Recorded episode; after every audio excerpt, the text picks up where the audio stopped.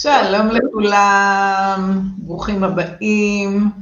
Uh, היום אנחנו מדברים על מיקרוביום, ואיתנו עדי זוסמן, uh, שהיא תזונאית קלינית, שהיא מתמחה בכל עולם של מערכת העיכול, בעלת המרכז דרך הבטן, שהוא מיועד ספציפית לטיפול uh, במערכת העיכול, ועם ניסיון רב של, מאי, של טיפול במעי רגיז, בקרון, בקוליטיס וכל המשפחה של מחלות אה, במערכת העיכול.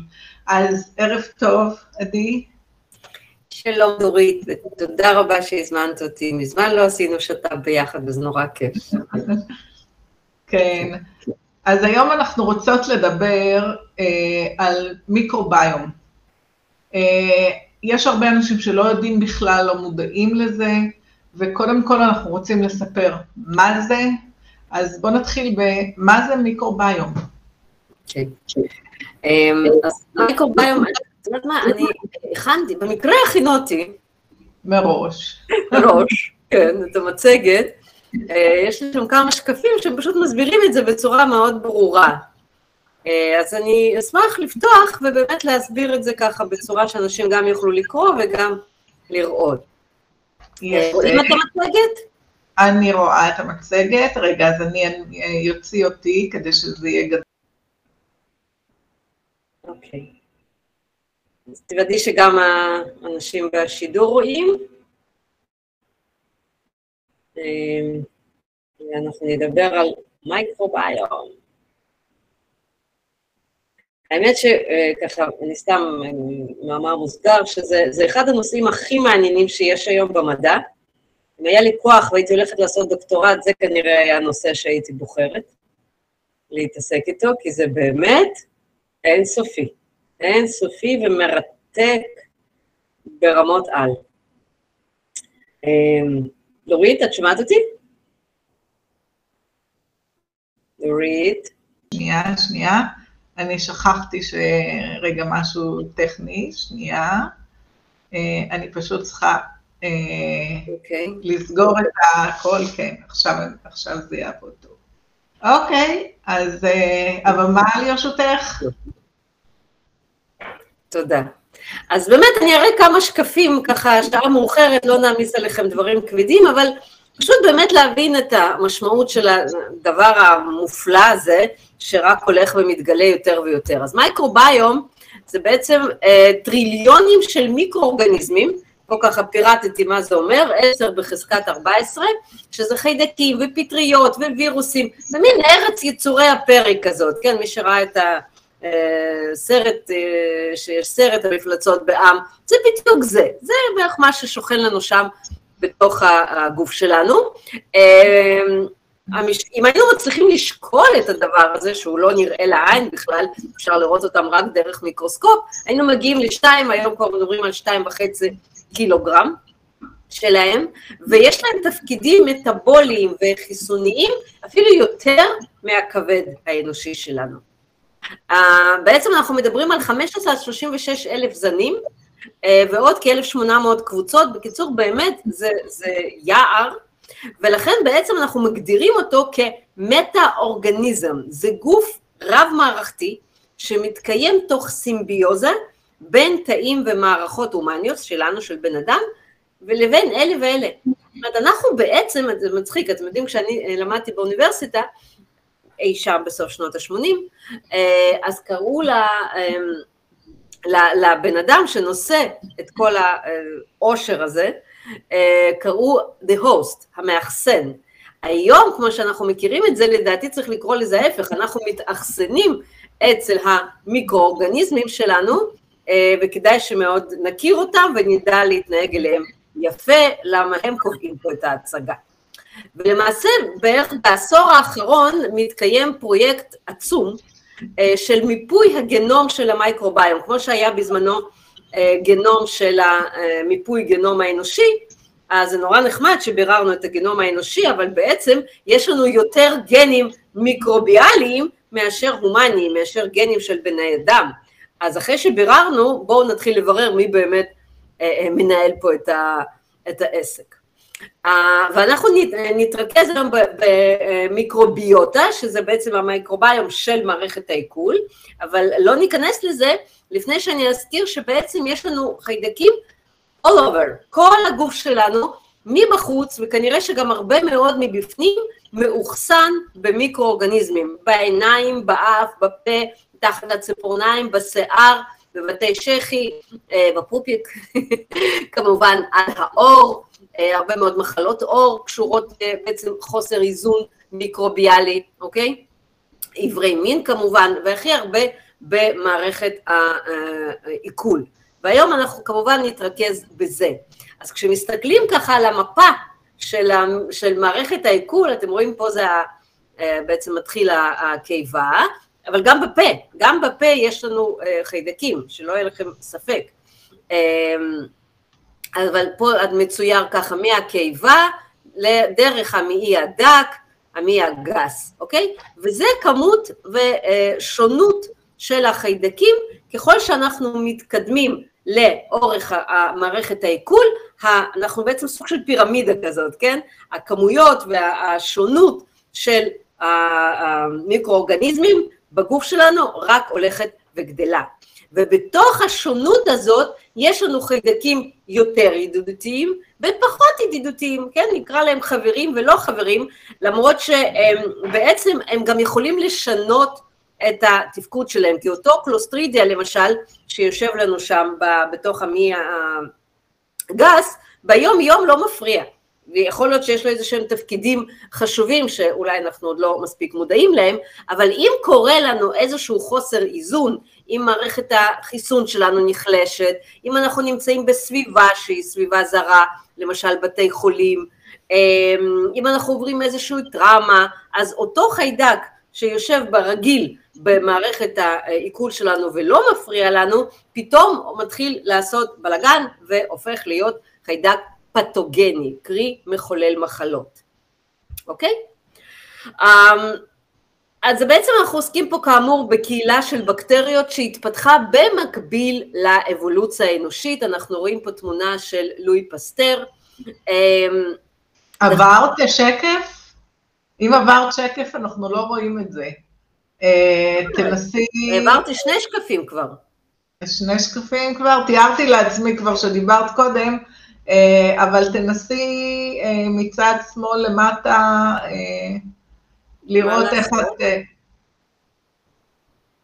הסתרה, מה זה אומר הסתרה? אוי, לא, ברח. אתם רואים? לא רואים? לא, לא עדיין אנחנו רואים את הראשון. אז זה לא טוב.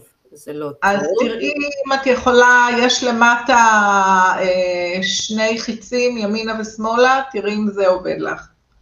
אני לא רואה, אני רואה הפסקת שיתוף.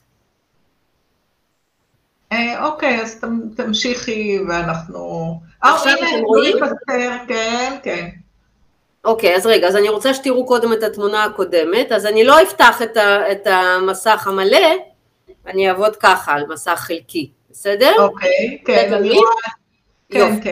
זה בעצם מה שדיברתי, שלאורך, ככל שאנחנו יורדים לאורך הצינור העיכול, ככה השונות והמספר של המיקרואורגניזמים הולכת וגדלה.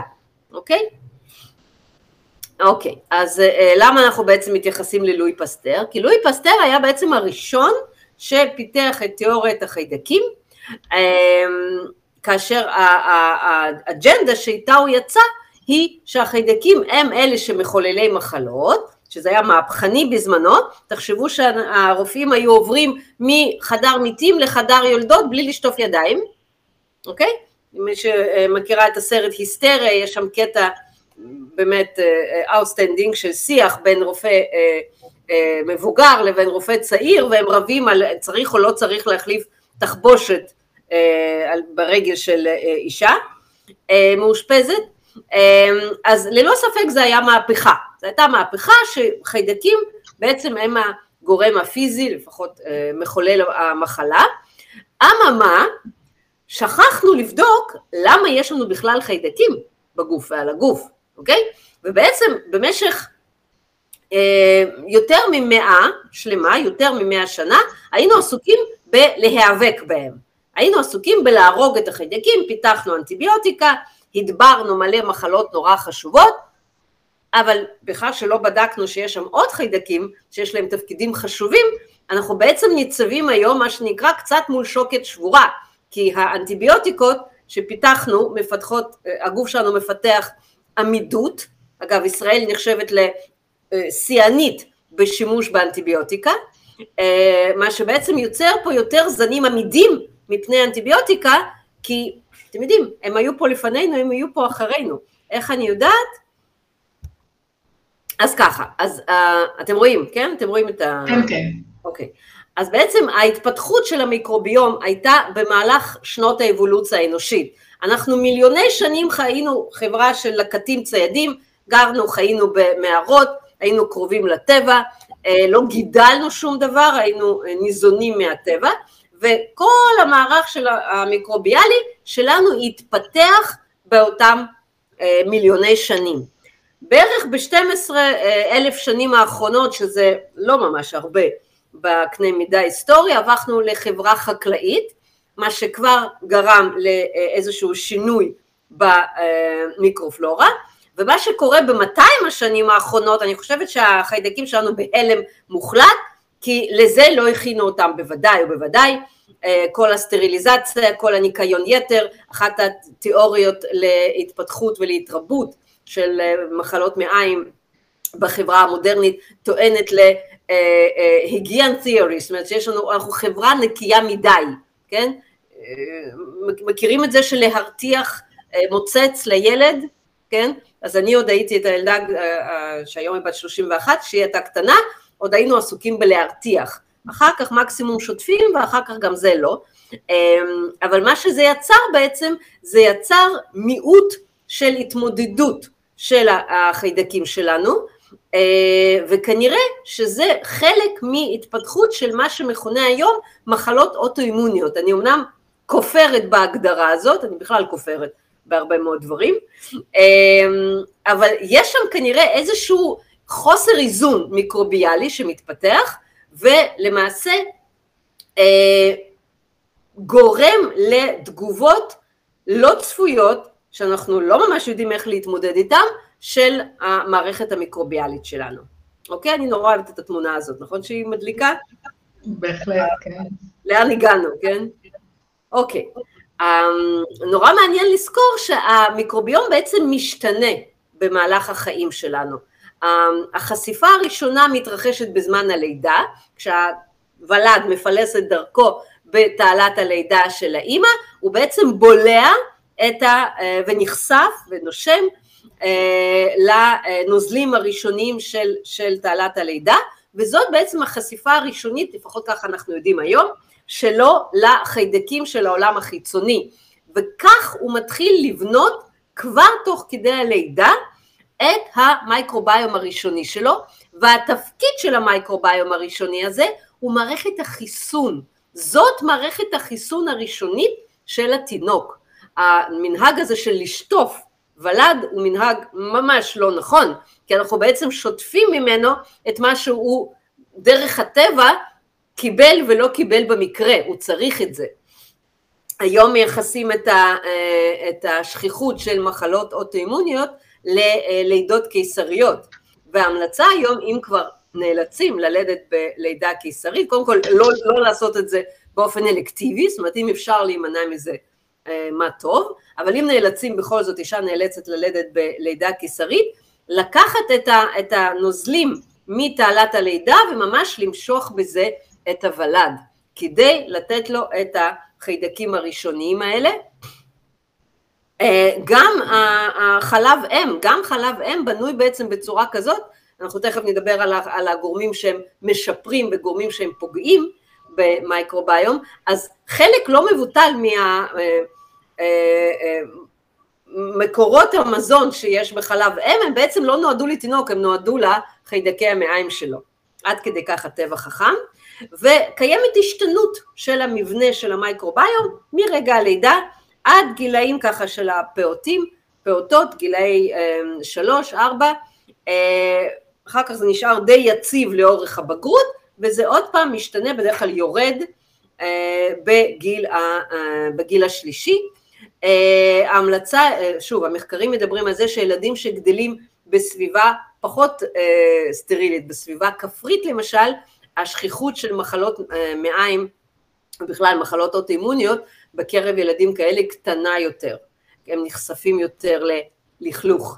אז בעצם מערכת המייקרוביום שלהם אה, מתמודדת עם מה שהיא צריכה להתמודד, עם החיידקים, אה, אה, וירוסים ופטריות שבאים מבחוץ, אוקיי?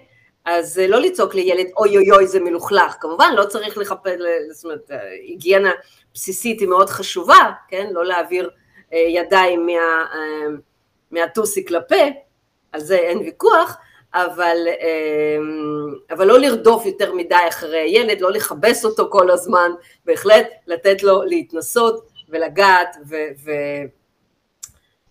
ולהתחזק בצורה כזאת, אוקיי? Okay?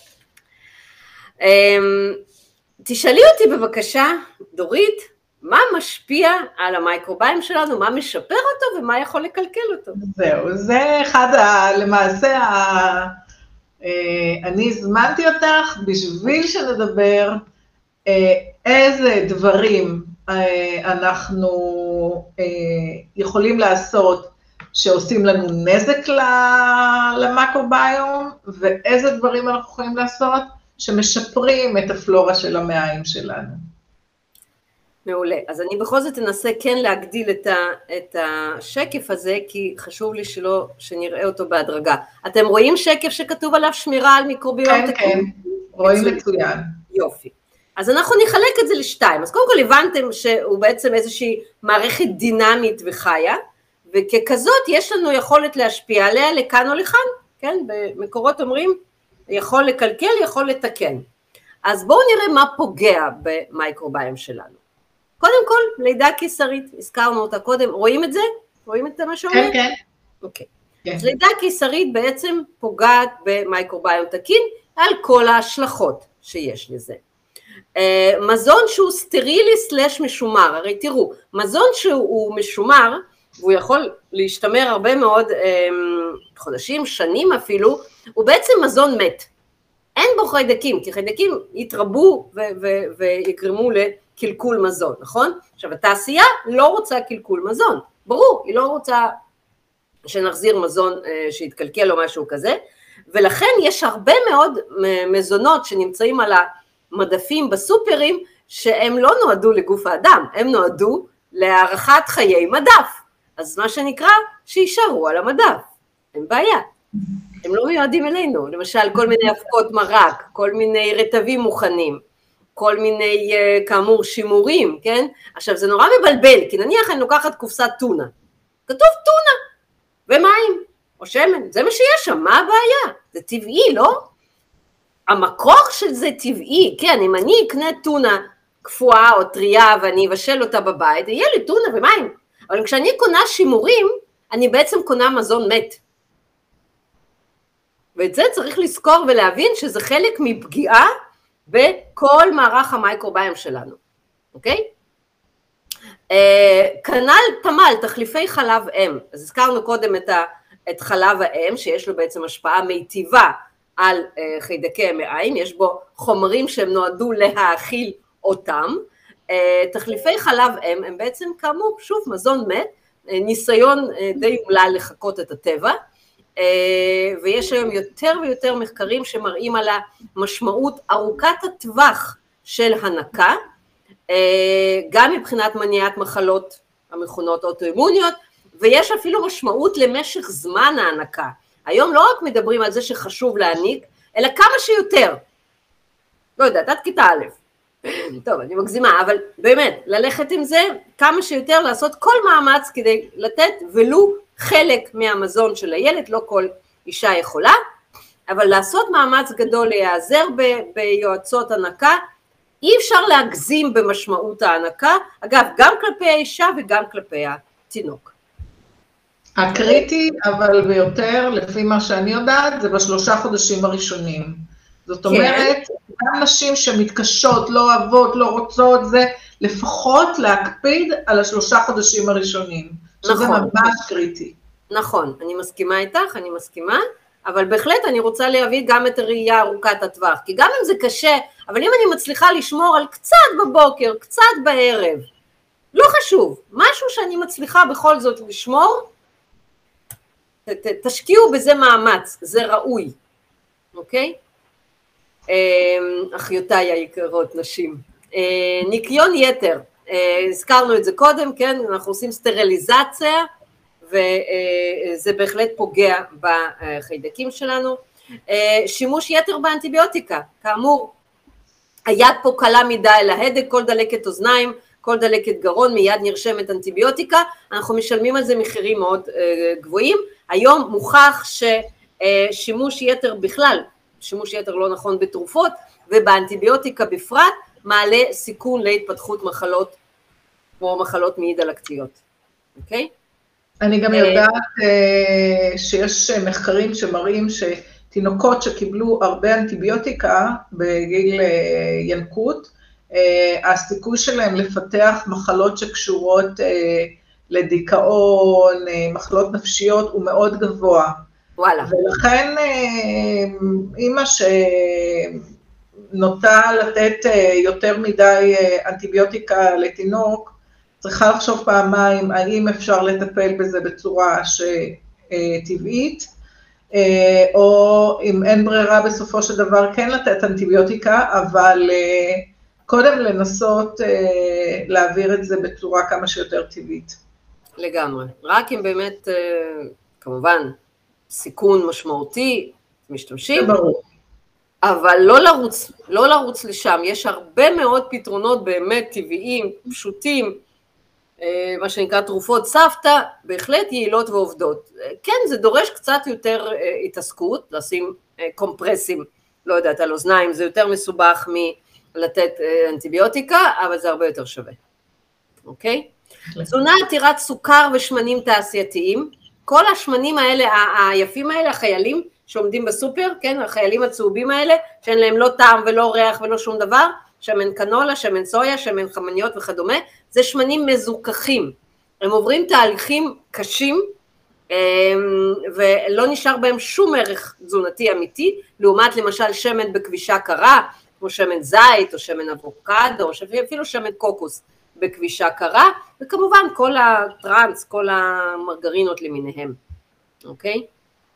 ממתיקים לחוטיים, היום אנחנו יודעים שאי אפשר באמת לעבוד על הטבע, כן? המוח קולט טעם מתוק, מבחינתו זה סוכר, זה שזה סוכרלוז או סוכרזית או לא יודעת מה, זה נחמד, אבל זה עדיין מפעיל את המנגנון של האינסולין, אמ, ואנחנו יודעים היום שזה מאכיל בעצם את החיידקים הפתוגניים. אז כמה שפחות להשתמש בממתיקים מלאכותיים, יותר עדיף. אה, חומרים משמרים, מתחליבים, צבעי מאכל למיניהם, בעצם אנחנו עוסקים פה בהמלצה להפחית ולהימנע ולהיגמל, כי זה ממש סוג של התמכרות, ממזון מתועש, אה, גם משרד הבריאות הישראלי ולא רק הישראלי היום מודה שהמזון המתועש הוא כנראה אבי הטומאה של רוב המחלות המודרניות. והמקור הוא כנראה פגיעה במייקרוביום. וכמובן אם אנחנו לא אוכלים מספיק פירות וירקות בתפריט שיש להם מגוון של סיבים, ויטמינים, סוכרים בריאים, שמאכילים את החיידקים הטובים, אנחנו פוגעים במערך המייקרוביום. עד כה נבואת זעם, בואו נסתכל מה אפשר כן לעשות שיהיה טוב. איך כן לשפר. איך כן לעשות, כן, יופי, עדי, נכנס לדיכאון, עכשיו תגידי מה לעשות. אוקיי, אז תזונה חיה ובריאה ורוגע שלהם, כן? תזונה חיה זה אה, אה, פירות, ירקות טריים, או אפילו אם הם עברו איזשהו אה, בישול קל, או הקפצה, או אידוי, או משהו בבית, זה בסדר, אין בעיה, כן? אל תהרגו אותם, אל תבשלו מרק ירקות שעתיים, אבל בגדול אין בעיה. כמובן, ככל שאנחנו רגועים יותר, ככה גם המייקרוביום שלנו מבסוט ומחייך. לידה טבעית, הימנעות מרחיצת הוולד בסמוך ללידה, אתם רואים, אני אה, עקבית, הנקה, הזכרנו אותה קודם, תזונה עשירה בירקות ופירות, זרעים ואגוזים למיניהם, כמובן בהתאם ליכולת העיכול, לא צריך בכוח, מישהו שאוכל המון פירות וירקות וסובלת מגזים או נפיחויות, משהו שם דורש איזון.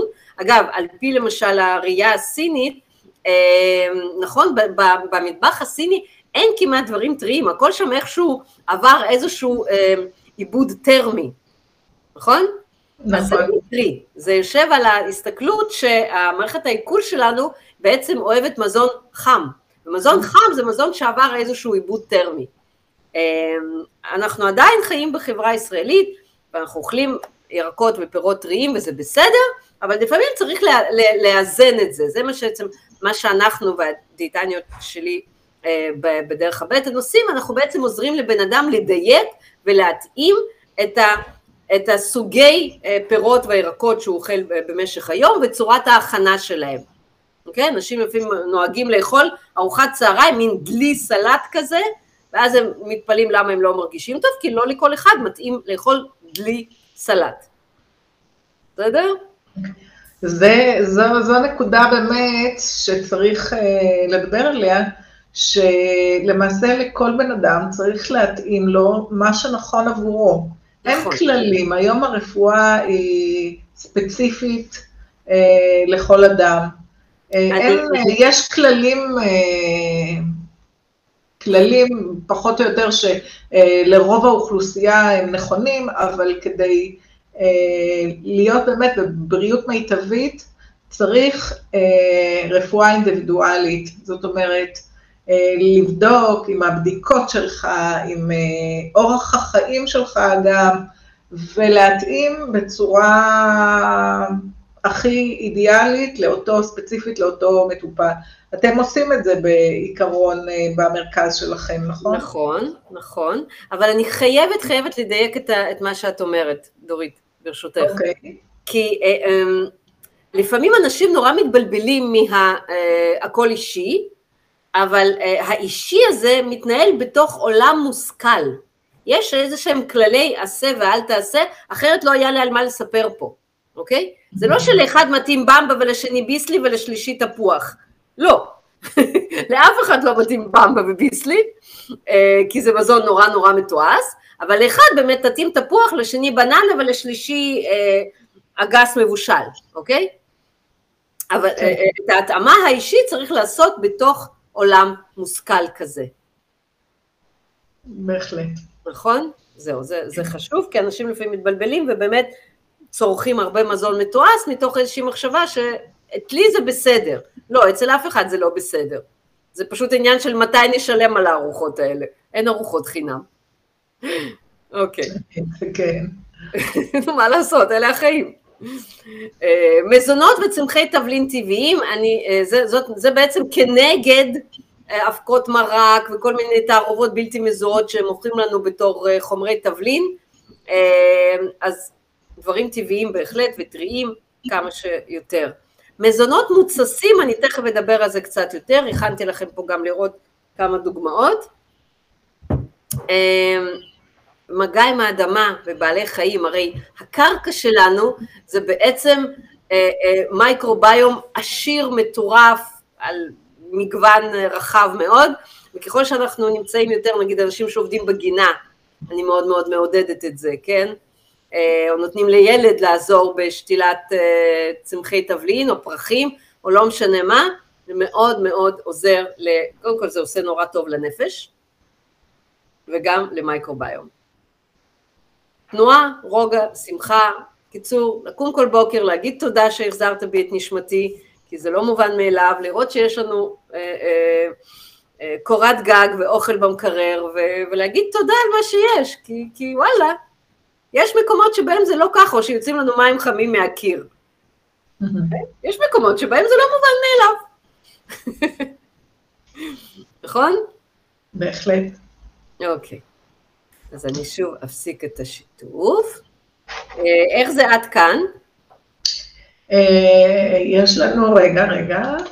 אה, כן, יש לנו, רגע, קפאתי לי. אכן, יש לנו כמה דברים שאנשים אה, שאלו ואני, ואפשר ככה לתת להם אה, אמנם את הזכרת את זה, על איזה שמן היית ממליצה לטיגון ולסלטים. אז טיגון... אז רגע, אז את יודעת מה, אז חכי רגע, אז עוד שניים, שלושה שקפים אני אסיים ואני אתייחס לכל השאלות האלה. אוקיי. בסדר? אוקיי. אוקיי.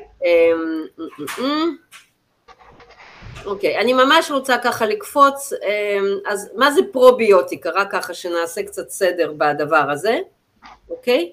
אז פרוביוטיקה זה, זה לא אנטיביוטיקה, זה כנגד, זה בעצם חיידקים חיים שתורמים לבריאות של המאחסן, אנחנו זה המאחסן, אמרתי, היוהרה האנושית, כאשר בעצם היא ניתנת בכמויות מספיקות. אה, זה פרוביוטיקה, זה כולם יודעים היום מה זה, אבל מה זה פרביוטיקה?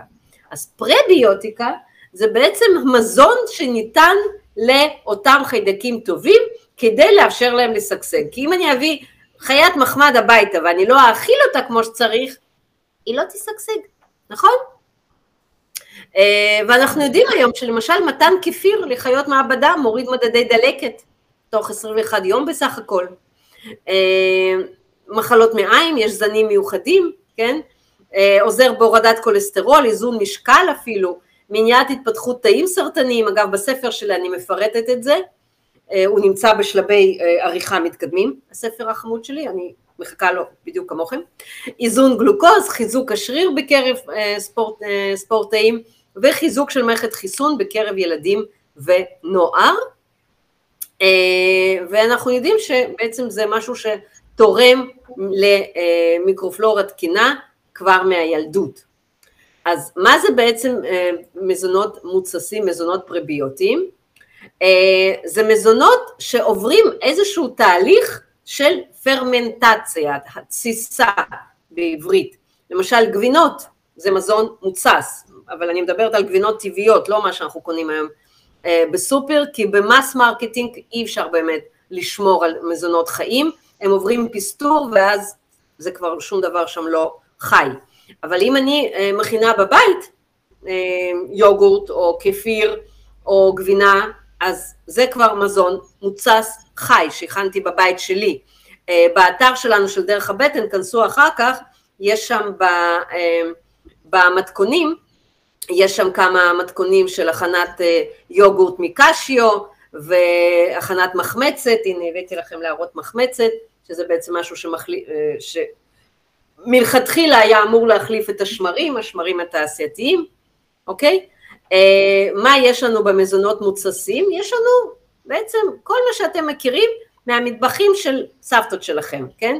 אז זה למשל, זה מהמטבח שלי, כל התמונות הן מקוריות.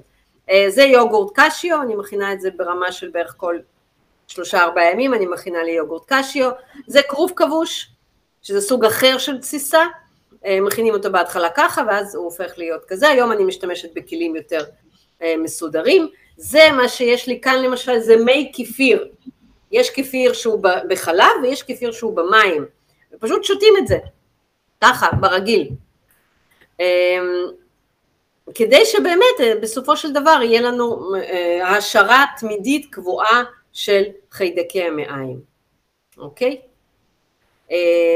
אה, אחר כך אני אשים לכם קישור לקורסים האינטרנטיים שלנו, לדעתי הם עדיין בהנחה מאוד מאוד גדולה, יש שם גם קורס להתססה, ממש עם הרצאה מאוד מפורטת והדגמה ומתכונים והכל, אז תוכלו לפנק את עצמכם באיזה 100 שקל נדמה לי שזה עולה, הקורס הזה, אז אה, שווה, בהחלט שווה.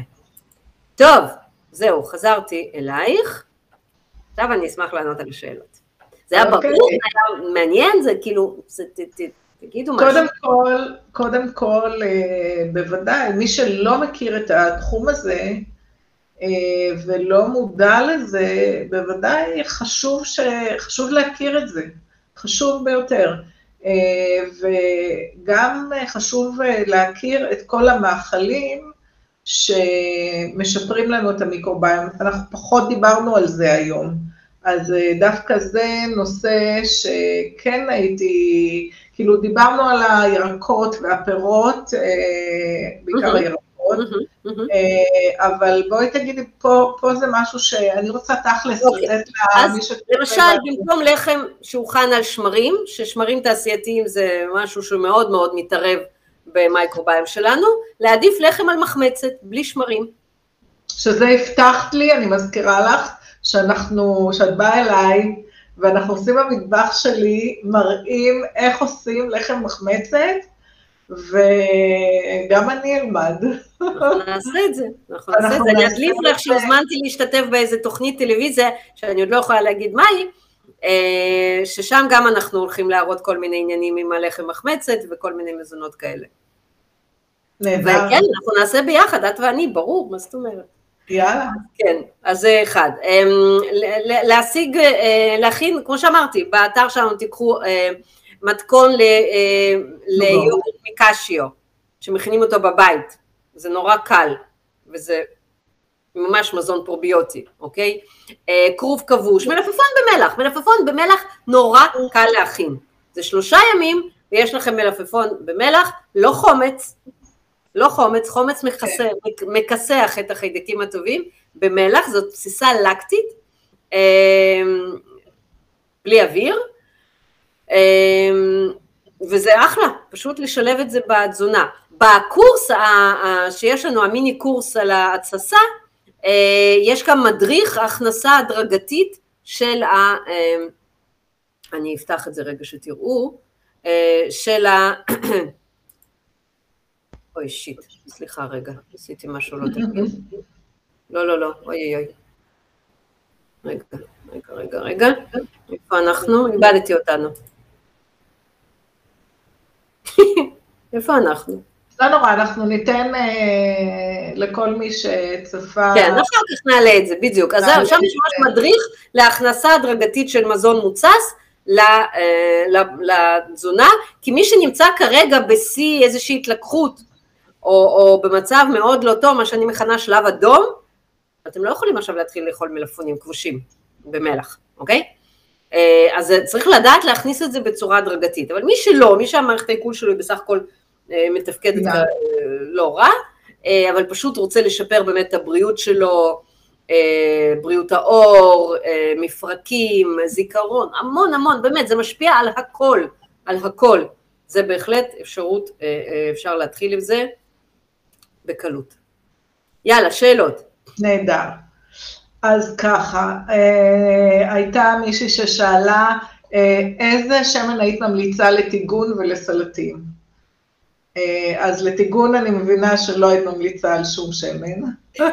שמנים לא אוהבים חום. כן. בואו ניישר קו. שמן לא אוהב חום. שמן, חום ואור. הוא מתקלקל בחום וחשיפה לאור. לכן כל פעם שאני מגיעה לאן שהוא להתארח ואני רואה שמן זית עומד בחוץ על השיש, אני מיד תוקחת אותו ומחביאה אותו מתחת באיזשהו ארון חשוך. כן? שמנים צריכים להיות... זה גם הסיבה שהם באים בדרך כלל, האיכותיים, באים אה, בבקבוק זכוכית, לא בפלסטיק. אה, כי הפלסטיק גם מכניס אה, חומרים לתוך השמן. לא להשתמש בפלסטיק, בכלל. והזכוכית הכאה היא גורמת לזה שלא ייכנס אור. נכון, והטובים ביותר באים בפח, בקופסאות כן. פח, ומהם אפשר לסנן לתוך אה, בקבוק, נכון. Uh, עדיין, טיגון קל, טיגון קצר, אפשר לעשות גם עם שמן זית, רק אל תיתנו לו לעשן.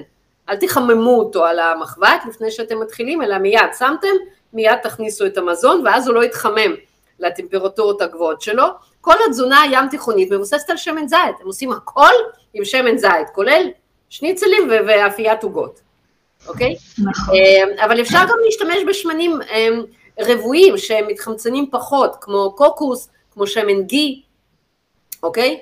אה, העיקר לא להשתמש בשמנים מזוכחים ולא לעשות צ'יפס, מה לעשות? אפשר לעשות היום צ'יפס בתנור, או ב- יש את הכנת צ'יפס באוויר חם, יש שם מספיק שיטות איך אפשר לעשות את זה.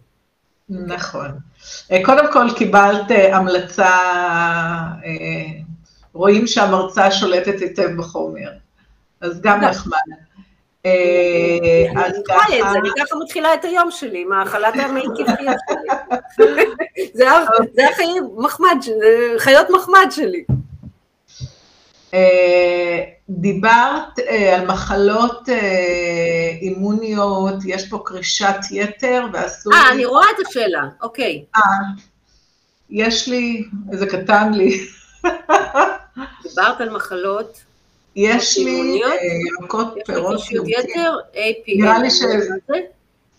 אה, עניינים של קרישיות יתר וירקות ירוקים.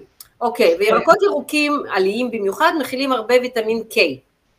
אה, נכון. ויטמין K, למה הוא נקרא K? כי הוא קשור לקרישיות, באמת. אוקיי? הוא בעצם חלק אה, מכל מנגנון קרישת הדם הטבעי והבריא שלנו. אנשים שנוטלים תרופות לדילול הדם, אה, צריכים לבנות יחד עם תזונאית שמומחית לנושא הזה, את הכמות הקבועה של הירקות הירוקים שהם יצרכו במשך כל יום, פחות או יותר, ולשמור על זה, כי בהתאם לזה יתאימו להם את, ה, את התרופות, אבל צריך להתאים את התרופות לאוכל, ולא את האוכל לתרופות. בואו לא נתבלבל, אוקיי?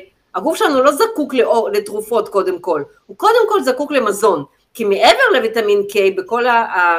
הירקות הירוקים יש עוד מלא מלא דברים נורא חשובים, כלורופיל, מגנזיום, סידן, אנחנו חייבים את זה. אבל מה, לא לעשות יום אני אה, אוכל אה, דלי, כמו שהזכרתי קודם, ויום אני לא אוכל בכלל. זה מבלבל את המערכת. כל יום אתה אוכל כוס או, או כוס וחצי של הסלט עם ירקות ירוקים, סבבה, קבוע.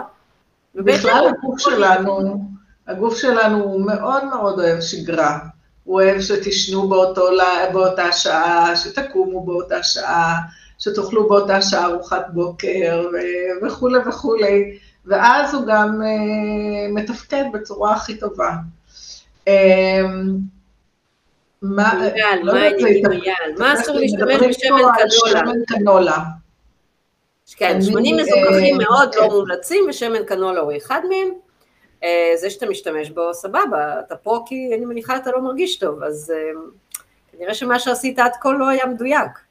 האמת היא שאני זוכרת לפני כמה שנים, היו, אה, בוא נגיד, אני זוכרת באיזה כנס שהייתי בארצות הברית אה, ודיברו על, ש, אה, כאילו על שמנים, וזה היה כנס על סוכרת, ודיברו ששמן קנולה ושמן זית הם שני השמנים הכי טובים. היום ירדו מהקנולה לגמרי, זאת אומרת, זה רק שמן זית, שמן קוקוס ואבוקדו. כאילו זה בעיקר השמנים, נכון. אה, אבל שמן זית הוא הכי נוח, הכי קל, אין עליו, אין עליו. כן, ואם רוצים אה, אה, בכל זאת קצת יותר חום, כי שמן זית הוא הכי מתפרק, אה, אז השמן קוקוס נחשב לקצת יותר עמיד. הוא יותר יציב, כי יש בו יותר חומצות שומן רבויות, אז הוא פחות מתחמצן כן. בחום. בדיוק. כן, כן. אז זהו, אז אה, אם, אם אין לנו עוד שאלות, אז ככה, מה ניתן לכם? מה ניתן? אה, אז אה, עדי תיתן לכם, מי שצריך, את המדריך לטיפול במעי רגיש. אני אעלה את נכון? כל הקישור לכל המדריכים שלנו, שאנשים יורידו את מה שהם צריכים. אוקיי. ואני כמובן, מי שצריך אה, טכנולוגיה, יש בעיה רפואית שאיפשהו רוצה מכשיר כדי לפתור את, ה, את הבעיה הרפואית, כמובן, אז אה, אפשר אה, לפנות. אני חושבת שאגב, באמת, וזו אחת הסיבות שאני כל כך נהנית לעשות איתך את הפעילויות, את השת"פים שלנו, כי, כי האפשרות הזאת של להשתמש באיזשהו מכשור, באיזשהו device רפואי, שחוסכת לנו עוד משהו להכניס פנימה לגוף המסכן שלנו, שלא מתערב בכימיה. עוד תרופות ועוד צמחים ועוד תוספים, אה? זה נהדר. זה נהדר וזה באמת, אני בעד. יופי, אז כיף לנו. וכמובן, אה, תפרגנו לעצמכם את אחד הקורסים שלנו, זה אנחנו נעלה קישור. שתוכלו לבחור. בסדר גמור. יופי, אז שיהיה ערב טוב לכולם. תודה שאירחת אותי. וחיים בריאים ומאושרים, ואנחנו פה אם תצטרכו משהו. בחורף חם. לילה טוב. לילה טוב.